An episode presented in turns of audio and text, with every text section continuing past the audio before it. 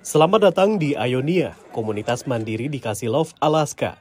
Di sini, suasana gotong royong warga begitu terasa. Ionia is like a safe haven that we created 30 years ago. And we had in common uh, trouble thriving and surviving in the modern world as it is. Pada 1987, sejumlah keluarga dari Boston, Massachusetts tidak puas dengan kehidupan perkotaan dan memilih membangun komunitas sendiri.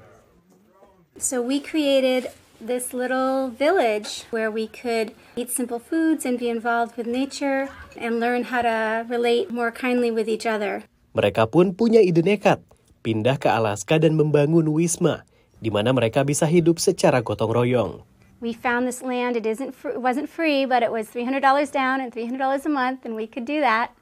And we took our first year of permanent funds, which was a whole lot, you know, because it was a bunch of us, and we just pulled them all together, and we're like, wow, that's more money than we've ever seen anywhere. 30 tahun kemudian, Ionia sudah berkembang menjadi komunitas berisi hampir 50 orang dari tiga generasi. Sebagai komunitas, mereka menghemat penggunaan energi, dan jadi contoh komunitas lestari.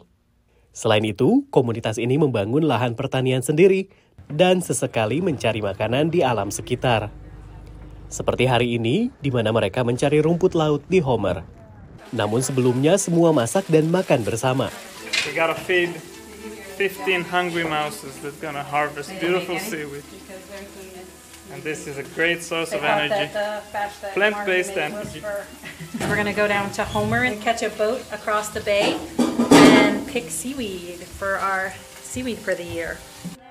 Ramah lingkungan dan gotong royong menjadi semangat komunitas Ionia sejak dulu, kini, dan di masa depan.